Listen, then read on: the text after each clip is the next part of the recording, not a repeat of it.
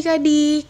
Kak Sena seneng banget bisa kembali hadir menyapa adik-adik dalam program Renungan Harian Audio Cerdas Berpikir. Melalui Renungan Harian Audio ini, Kak Sena berharap pikiran kita makin diisi oleh kebenaran firman Tuhan.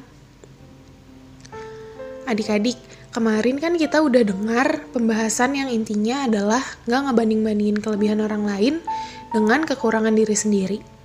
Sekarang, Kak Sena mau bahas contoh tokoh di Alkitab yang sama sekali nggak kayak gitu. Dia tetap berusaha melakukan yang terbaik dengan apa pun yang ia punya. Judul renungan yang Kasena bawakan adalah Daud versus Goliat. Kisahnya bisa adik-adik baca di sepanjang 1 Samuel 17. So, let's check it. Kita mulai.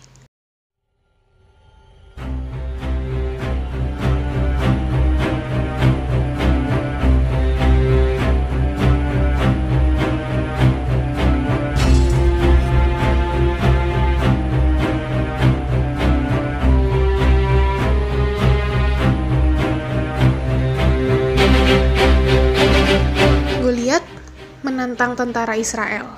Tingginya sekitar 3 meter. Ia memakai pelindung kepala, baju perang dari tembaga, membawa senjata tajam yang panjang dan perisai. Goliat membuat tentara Israel ketakutan. Dia tinggi besar, punya perlengkapan perang, dan sejak masa mudanya udah biasa bertarung.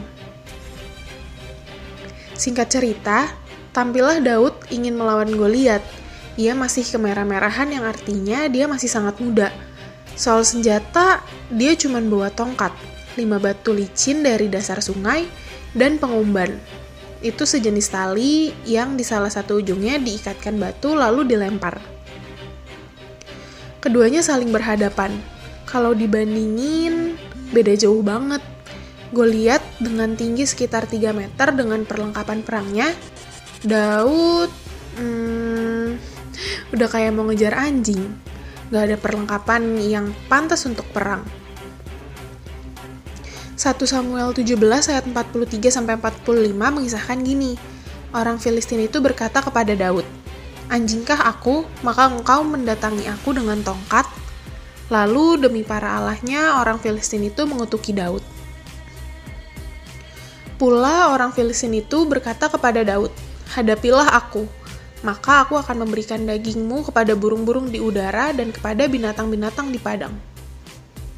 Tetapi Daud berkata kepada orang Filistin itu, Engkau mendatangi aku dengan pedang dan tombak dan lembing, tetapi aku mendatangi engkau dengan nama Tuhan semesta alam, Allah segala, segala barisan Israel yang kau tantang itu.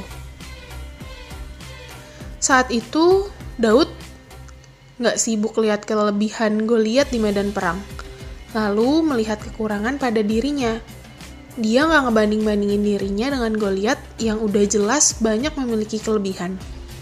Daud hanya fokus dengan apa yang ada padanya. Dan yang terjadi kemudian adalah Daud menang. Dia melontarkan umban serta batunya dan tepat mengenai dahi Goliat. Bukan hanya mengenai, batu tersebut masuk ke dalam dahinya.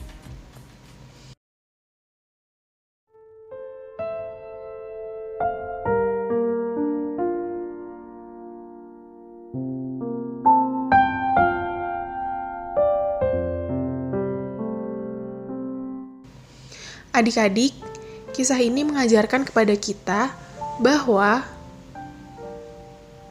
kita nggak perlu ngebanding-bandingin diri kita dengan orang lain. Yaitu karena setiap kita telah Tuhan kasih kelebihan, apa pun itu. Oke, anggaplah kamu melihat dirimu banyak kekurangan, dan kayaknya nggak ada kelebihannya. Nah, itulah kelebihan kamu. Gini deh, Orang yang dengan pendengaran normal bermain musik itu mah biasa. Tapi kalau orang tuli yang bermain musik bahkan jago, itu luar biasa. Loh, memangnya ada kak? Kan main musik butuh pendengaran. Hmm, ternyata ada. Namanya Beethoven. Dia musisi yang gak bisa dengar. Dan karyanya banyak banget.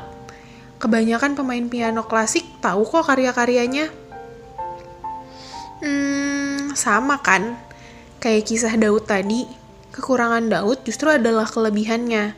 Kalau orang menang perang karena punya perlengkapan perang serta berbadan besar dan kekar, itu mah biasa. Kalau yang menang perang adalah Daud yang kemerah-merahan dan senjatanya kayak orang ngejar anjing, itu baru luar biasa kan? Tentu luar biasa di dalam Tuhan. Jadi di tangan Tuhan, bahkan kelemahan kita adalah kelebihan kita. Jadi tetap semangat ya. Oke? Yuk kita berdoa.